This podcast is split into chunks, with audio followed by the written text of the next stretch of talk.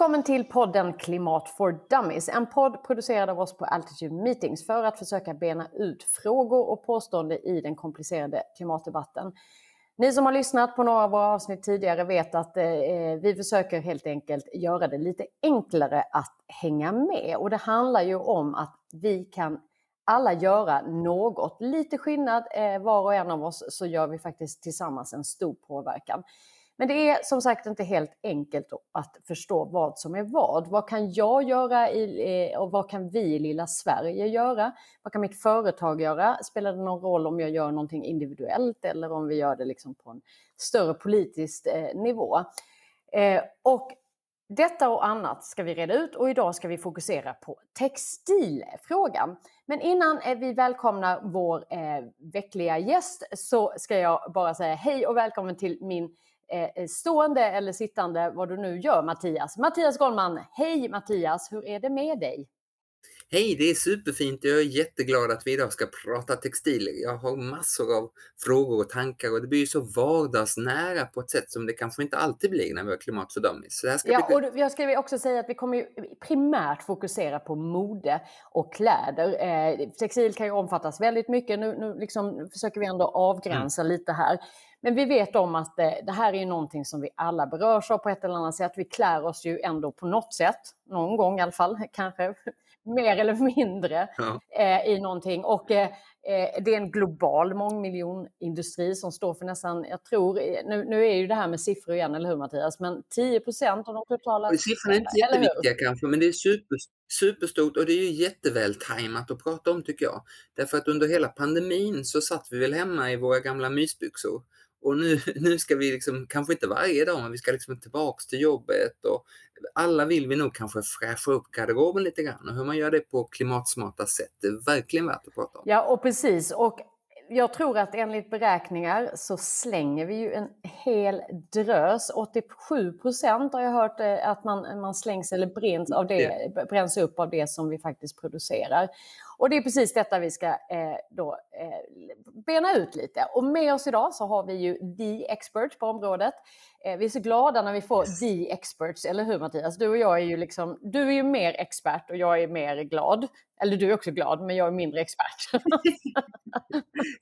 vi kan vara glada experter båda två, men det är så härligt att prata med folk som verkligen kan exakt en fråga på precis det sätt vi behöver Och med oss har vi Anna Rönngard, spårbarhets och hållbarhetsexpert och tidigare Sustainability Director på H&M.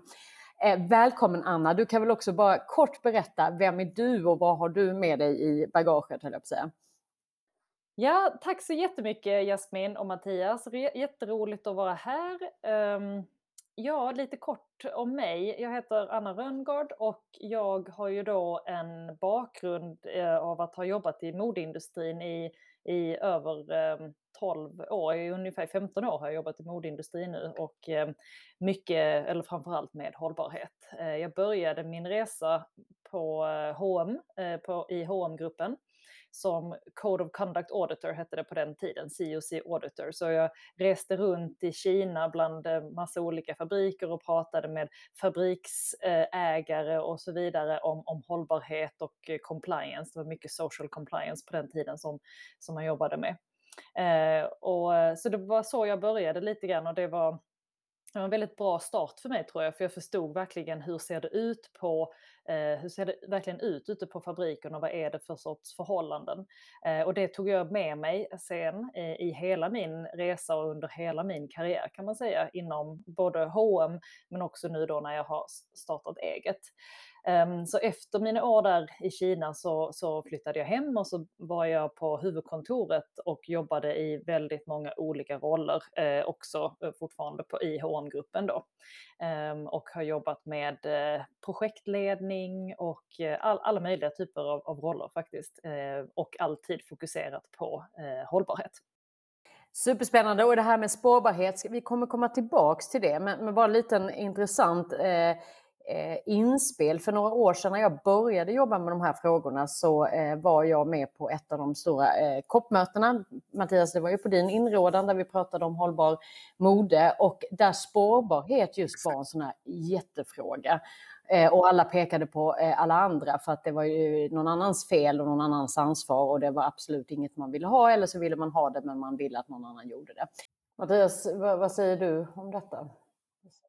Eh, jag ville bara hoppa in där för att jag kom på att vi heter ju Klimat för Dummies och när vi började prata om spårbarhet så tänkte jag att det är viktigt att ingen känner att man var för dum för Klimat för Dummies, för det får man aldrig vara, utan spårbarheten handlar om att kunna ända tillbaks till den där sista underleverantören veta vem gjorde det här och på vilket sätt. Och det har vi genom åren pratat mycket om när det gäller textilier och kläder, kanske framförallt på arbetsförhållandesidan. Som jag tänker att du Anna säkert kollade mycket i Kina och Bangladesh och andra håll.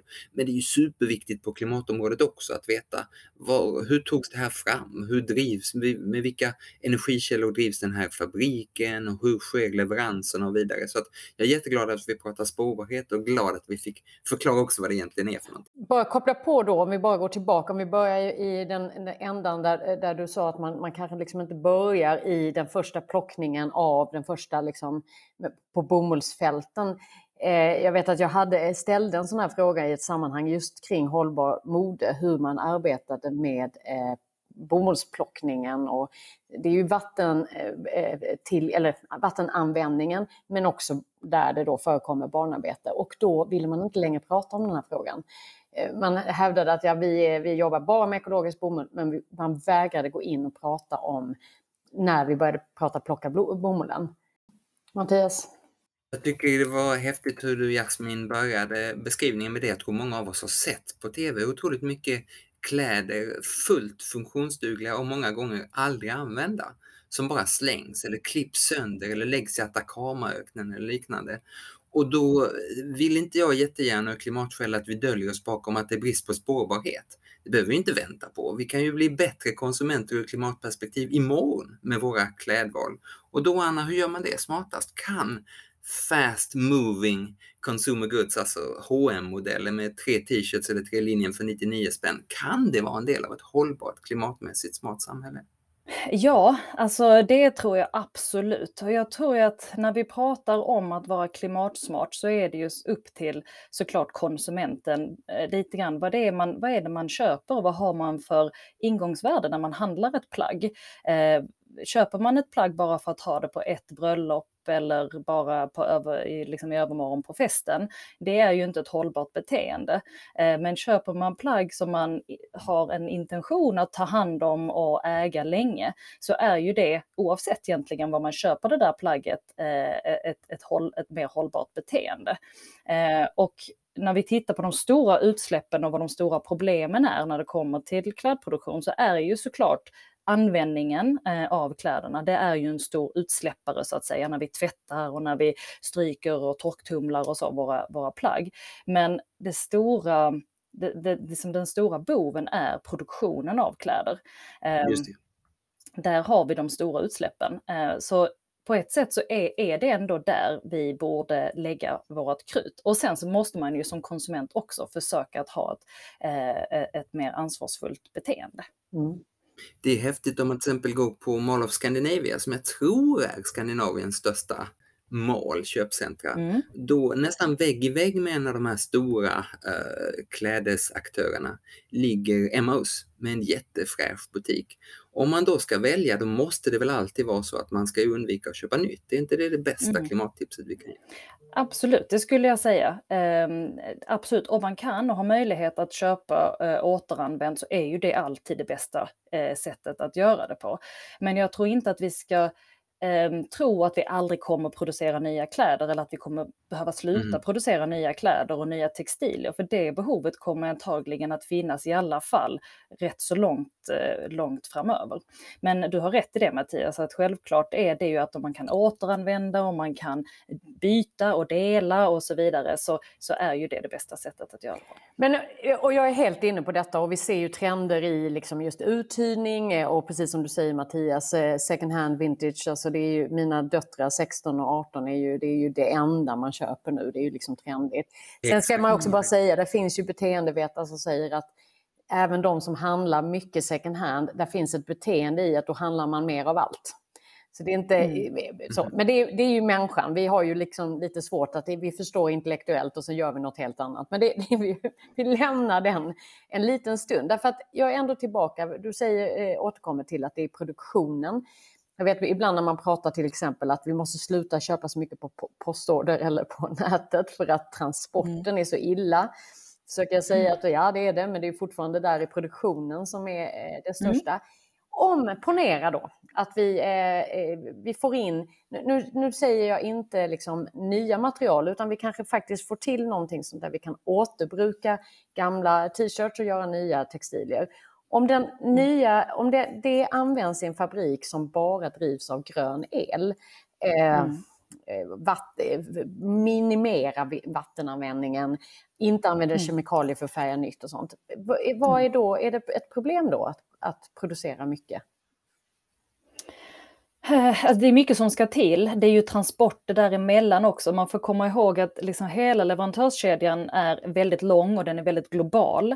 Eh, så oftast så, så kommer bomullen från ett land och sen så eh, skickas det till ett annat land för att spinnas till ett garn och sen så skickas det kanske till ett annat land och så vidare. Så eh, det är mycket av dem, alltså det är mycket som ska till och det är många aktörer längst vägen som måste liksom ha blivit gröna så att säga, eh, om, om, man nu ska, om man nu ska kalla det det, för att det ska vara en eh, en, en, Försvarbart, en bättre kedja. Men, ja, precis. Mm. Ja, men precis.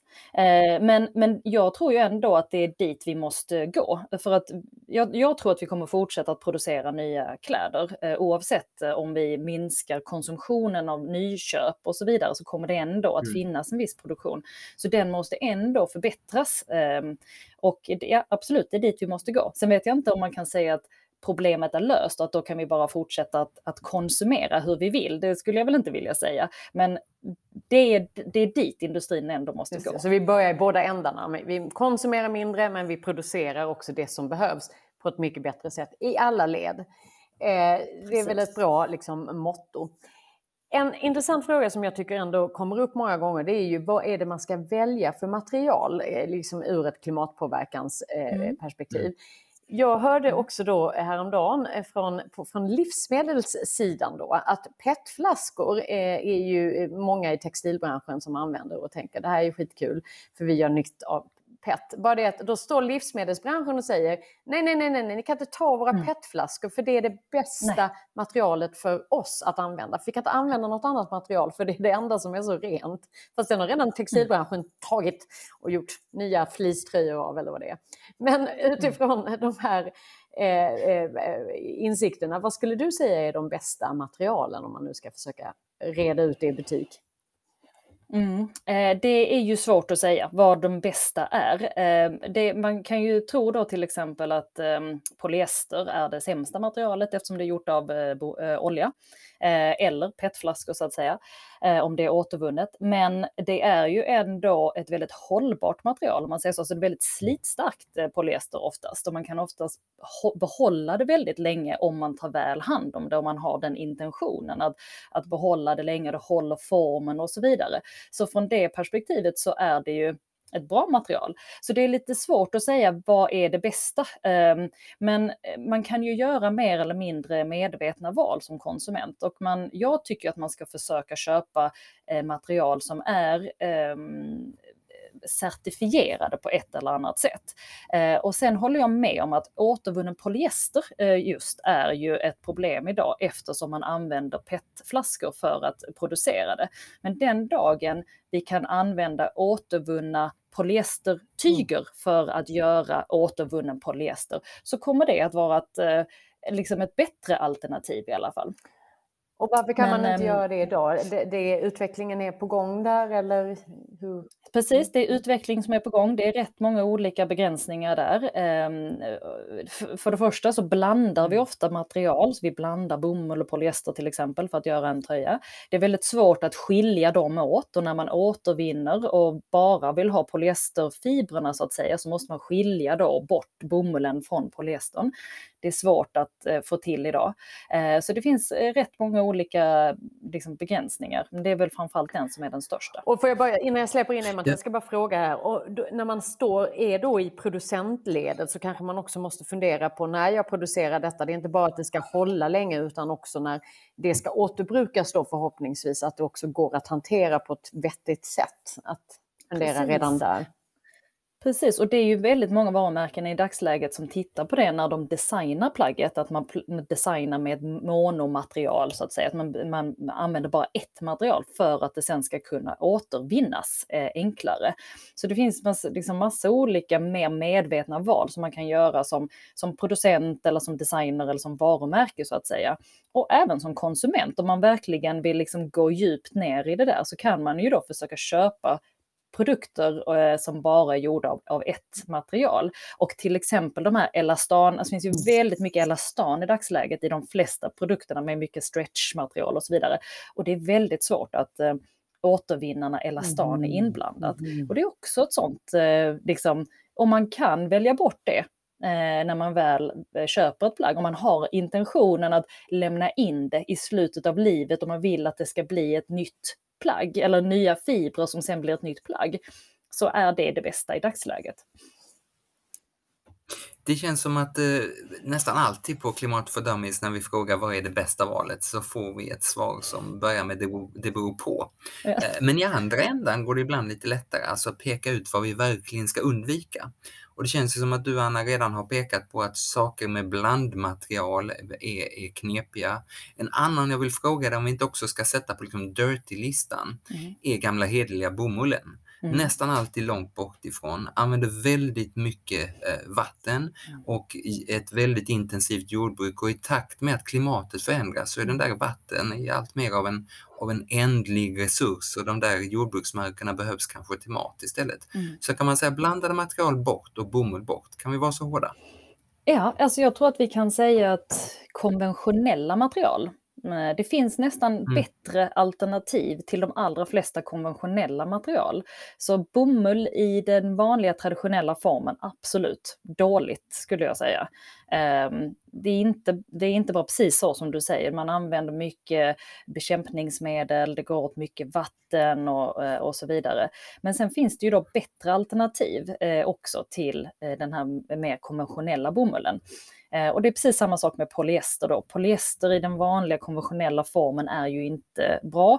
Den, det finns ju rätt mycket begränsningar eller utmaningar med polyester även när, om det är gjort av återvunnen polyester. Låt oss säga att vi hade haft en återvunnen polyester som är gjord av återvunna polyestertyger så skulle det fortfarande släppa ut sådana här mikroplaster när man tvättar polyester till exempel. Så det, det, är, ju, det är ju då eh, liksom inte bra såklart.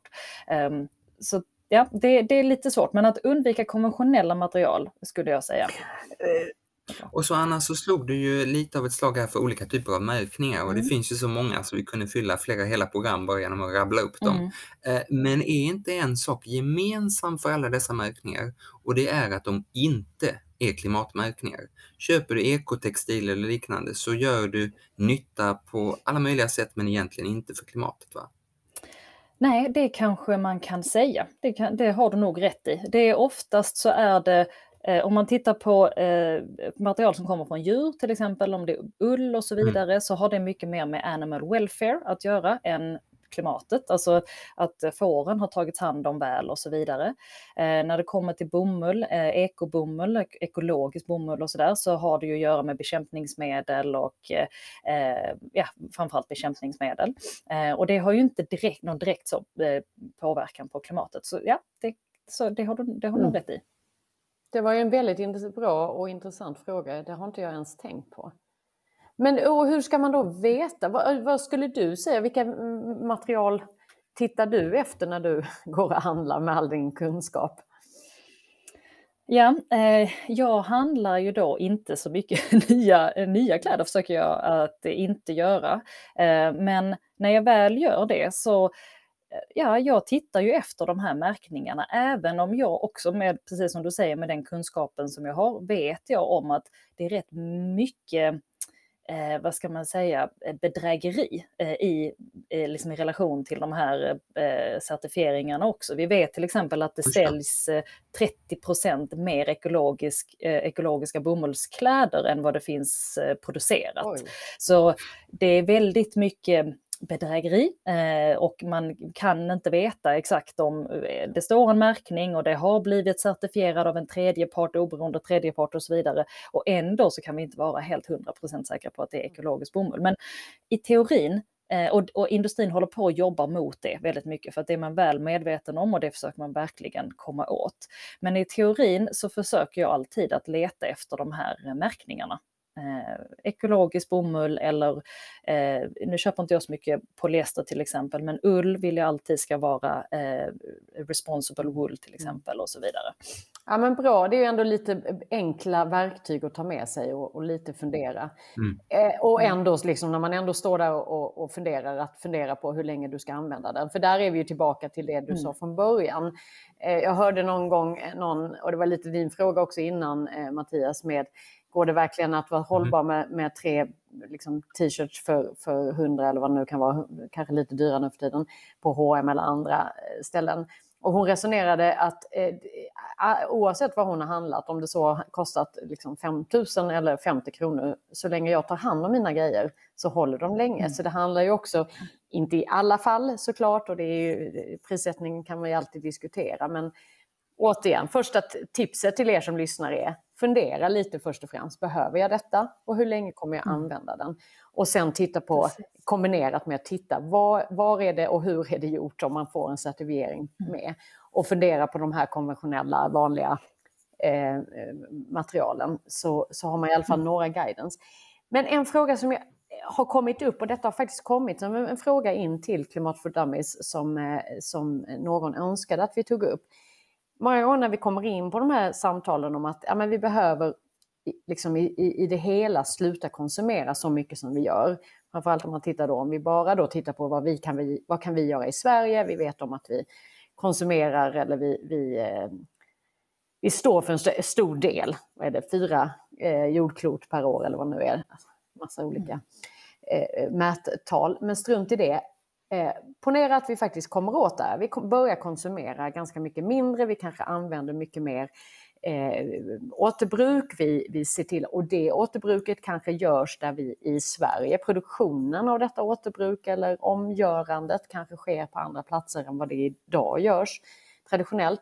Vad händer med, vad, vad skulle du säga, nu vet jag att detta är lite off klimat för dummies, men det, det, påverkar ju ändå. Och får vi inte med hela storyn så är jag rädd att vi inte heller får med alla politiker i vägen för att få ett bättre klimat om vi samtidigt eh, skapar eh, arbetslöshet och folk som faktiskt inte har en inkomst.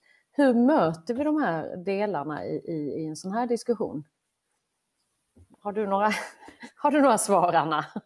Eh, eh, förlåt, var, var det här en fråga om de som inte längre har jobb ja, när vi precis, minskar konsumtionen? Precis, precis.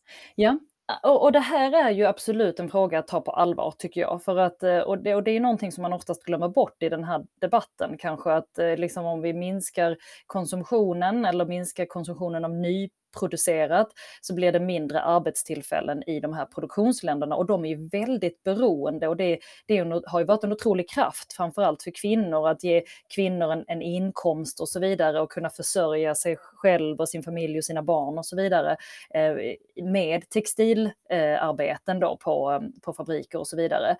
Eh, och där är det ju vissa eh, liksom ansvarsfulla företag har ju tittat på det här och har ju liksom funderat lite grann på vad ska man göra? Jag har ju inte såklart liksom, eh, något, eh, det rätta svaret så på något sätt, men jag tror ju mycket på att man måste hjälpa till och ta ett ansvar i att ställa om eh, arbetstillfällena så att säga. Så utbilda människor till att kanske kunna jobba i andra mm. lite mer avancerade industrier, eh, dataanvändning eller liksom, eh, jag vet inte, internet och liksom hela den här IT-bubblan och sådär, att eh, liksom komma in i det och jobba mer med mer avancerade industrier kanske.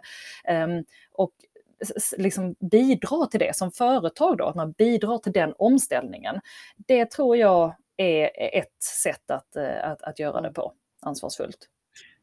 Jag tänker Anna att det är ju spännande att se mycket av det du har pratat om, hur vi ska hantera vår framtida konsumtion av kläder och textilier mm. pekar ju på att mer jobb kan få skapas. Alltså så länge mm. t-shirtsen och alla andra kläderna i huvudsak faktiskt görs i något annat land än Sverige, ska mm. vi komma ihåg så är det inte jättemånga jobb som skapas här. Det är, det är jobb i klädbutiken möjligen, men Jasmin var också inne på att allt mer handlas på nätet och då är det inte ens det. Men när vi pratar om att vi kanske oftare ska hyra, inte bara balklänningen utan kanske också skidkläderna som vi använder någon vecka om året, eller handla mer second hand, ja men då skapas det ju mycket mer jobb eh, i Sverige. Så jag ser den här gröna omställningen som klart eh, jobbdrivande, i alla fall om man, som jag tror vi alla är inne på, fortsatt vill ha andra kläder i garderoben om två år jämfört med vad vi har nu. De behöver inte vara nyproducerade, mm. men de måste vara nya för mig. Så den ingången kan ju vara klart, eh, klart jobbskapande, hoppas och tänker jag. Mm. Ja men det tror jag. Absolut, där har du absolut en poäng, framförallt i våran eh, industri. Men sen så tror jag även att återvinning och återvinning av textilier och eh, liksom skapandet av nya fibrer från från eh, använda mm. textilier mm. kan vara en möjlig arbetstillfällen i produktionsländerna. Så att säga. Eh, att man liksom där också kan skapa arbetstillfällen i liksom, återvinnings, på återvinningscentraler, återvinningsfabriker och så vidare. Anna, får jag fråga en sån här samvetsfråga till dig? Mm. Du var ju på det här stora svenska klädföretaget förut och vi har ju sett en, en, en stor internationell hamburgerkedja som länge har sagt att man ska sortera sitt avfall mm. och sen så kanske det ändå slängdes på samma ställe och så sa de, ja men det blev i alla fall en skola i återvinning. Mm. och när man går till, till den stora kläd, klädmärkets butiker så finns det någon liksom, bytta, någon kartong där man kan mm. lämna in kläderna för återvinning. Mm. Och ibland har jag tänkt att det där är mest för att locka mig till butiken och man får någon check som är till för att köpa nya kläder och så kanske konsumtionen ökar. Alltså dels undrar jag vad händer i andra ändan av den där klädboxen? Mm. Och dels undrar jag, är det någon som har räknat på att det här totalt sett är klimatsmart? Mm. Vad, vad, vad, är nyttan? Liksom? Ja, det är en bra fråga och jag tycker ju då som har varit delaktig i den här industrin och varit delaktig under hela uppbyggnaden av allt det där. Jag tycker inte att det är greenwashing på något sätt, utan jag ja, tycker ju att det är ett försök att eh, fylla ett behov, att göra det enkelt för konsumenten att. Återvinna. Mm. För att hela poängen med de här byttorna som finns i väldigt många olika butiker idag, det är att ge kunden en möjlighet att återvinna sina, sina kläder. Jag personligen lämnar aldrig kläder som är fortfarande brukbara till de här byttorna. Eh, de mm. säljer jag eller skänker eller så istället. Men alla mina gamla strumpor, trosor, gamla t-shirtar, liksom om barnens kläder är liksom sönder eller har blivit alldeles för urtvättade eller så, de mm. lämnar jag i de här byttorna. För jag vet om att de kläderna som går att återvinnas, alltså de som kan bli nya fibrer, de blir det för att de sorteras. Alla de här kläderna sorteras och sen är det ju såklart många som fortfarande är brukbara och då så, så, så, så klart att då tar man inte sönder dem och gör nya fibrer av dem, utan då åt, försöker man återanvända dem på det bästa sättet. Antingen så säljer man väl det, eller man, man skänker det till välgörenheter och så vidare. Men den stora vinsten är ju när vi kan börja återvinna de här kläderna och göra dem till nya fibrer. Så att vi så att vi tar bort det här beroendet vi har av, uh, av nya resurser hela tiden. Och det är det som är hela poängen med de här insamlingsboxarna. Men, men hjälp mig att fatta där Anna. Mm. Därför att jag gjorde någonting som jag nu skäms så mycket över, så det är bara för er som jag Det är bara för oss två. Att jag beställde hem en bara för er. Hoppas ingen lyssnar nu. men jo, jag beställde hem en sån här box med kläder, du vet där man liksom inte ens, jag gör inte det längre, men där man inte ens är tänkt att använda alls alla, utan man, det var 12 plagg kanske och man är tänkt att behålla ett, två, tre och sånt där. Och så skickas resten tillbaks. Och så var det någon som hade följt det här, stoppat in ett litet chip och kollat. De liksom fixade spårbarheten själva där. Mm. Och såg att de här sprillans nya kläderna, fortfarande med etikett på, de slängdes i alla fall. Det var liksom inte värt att ta hand om dem. Och så berättade du att när du slänger de urtvättade barnkläderna mm. och de gamla trosorna utan resår, mm. så tas de hand och återvinns. Det finns det rationalitet och lönsamhet i. Alltså jag, jag klarar inte i min skalle att få ihop varför det ena med nya kläder inte funkar, men det andra med rätt hårt begagnade kläder kan funka. Ja, alltså du menar att du har hört att eh, nya kläder med etiketterna, de tas sönder? Eh, Just det, att, när, istället, när de här boxarna går tillbaks så går de inte tillbaks för att säljas igen utan liksom, jag, har, jag har på något sätt betalt. Jag har också hört det där ryktet någon gång och överblivna när det har blivit Det var inte bara ett rykte utan det hittade på, jag tror, Uppdrag granskning att de följde det väldigt, väldigt noga helt enkelt var det tog vägen. Satte i ett mikrochip. Eh, ja, eh, det, ja, alltså jag tror att det finns säkert aktörer som inte gör det här på mm. rätt sätt. Alltså det finns säkert aktörer där ute som försöker att eh, liksom utnyttja systemet så att säga och inte göra det som är rätt. Men jag skulle nog ändå säga att de är i begränsat antal. Eh, de mm. allra flesta varumärken som jag känner till i alla fall försöker att ha de här återvinningsbyttorna som vi kallar det nu då, att, som att det är ett sätt att samla in eh, kläder som inte är längre brukbara för att sen göra dem till, ny, till ett nytt råmaterial. Det, det är liksom det som ska vara poängen med det helt enkelt. Och jag tror de allra flesta har ett, ett, gott, ett gott uppsåt eh, i det. Sen finns det säkert de som, eh, som inte gör det så bra.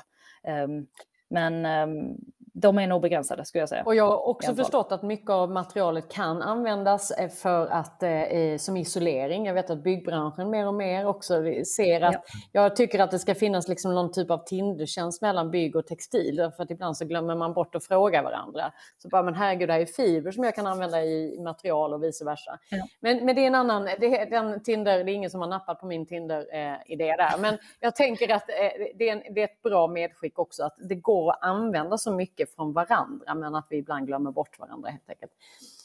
Hörrni, eh, mm. tiden eh, går fort när man har roligt. Eh, jag tänker att vi ska avrunda här. Eh, jag tycker i alla fall för min del, jag har fått mig massa nytt till livs. Eh, just att förstå lite mer när man tittar efter vilka material ska man, man eh, faktiskt köpa om man ska köpa nytt tycker jag vi har fått med oss. titta lite på certifieringar och, och kanske välja bort då de eh, konventionella materialen. Eh, fundera som vi sa innan, fundera verkligen på, behöver du det här? Och tillbaka till producenter och alla de som faktiskt jobbar i de här industrierna. Fundera på varenda liten del i processen. Vad kan man göra bättre? Och, eh, både för, för klimatet men också för de som arbetar. Så jag är superglad att jag fick eh, med mig all den här kunskapen. Mattias, har du något sista, tänker du? Jag tänker att eh, det var gött att vi fick både liksom industrin från insidan eh, på ett fantastiskt sätt och fick med oss verkliga liksom, vardagskonsumenttips. Och arbetade både i ändan vad är det absolut bästa, svaret är inte jättelätt, men också i ändan vad kan vi i alla fall börja med att välja bort? Och där tycker jag det var lite lättare att förstå att de här första kliven tar vi nästa gång. Och en del av det vi pratar om på Klimat för Dummies kan ju kännas som sånt som man kanske inte jättemycket kan påverka själv. Om Sverige ska få nya kärnkraftsreaktorer till exempel pratade vi om och det kanske inte är något som just våra lyssnare löser varje dag. Och annat kan kännas som sånt som man visst kan vara en del av men kanske inte fixa imorgon. Alltså eh, nästa bil man väljer eller solcellerna på taket som vi pratat om. Men just när vi pratat mat för ett par episoder sedan och när vi nu pratar textilier och kläder så är det ju verkligen rakt in i hemmet, rakt in i vardagen och rakt in i sånt som man liksom diskuterar till vardags. Så jag tror det är jätteviktigt att göra just det vi gjort nu. Prata, prata med varandra om de här vardagsklimatkliven man kan ta tillsammans. Ja, verkligen. Så stort tack Anna, stort tack Mattias igen.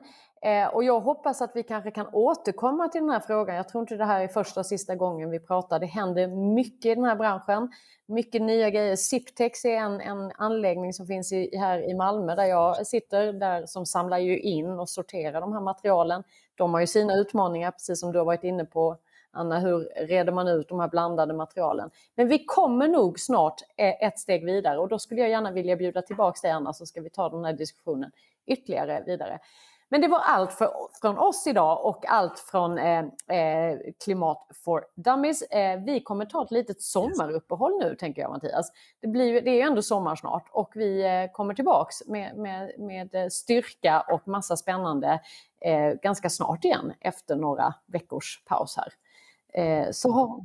Och kom ihåg att efter sommaren så är det ju det stora Exakt. valet, valrörelsen. Vi har en ny regering efter det så småningom, en ny riksdag, massa nya lagar, nya budgetposter, allt möjligt som gör att vi måste ha en massa nya episoder. Oj, vad vi kommer ha episoder! Och det är också ett medskick till er som lyssnar.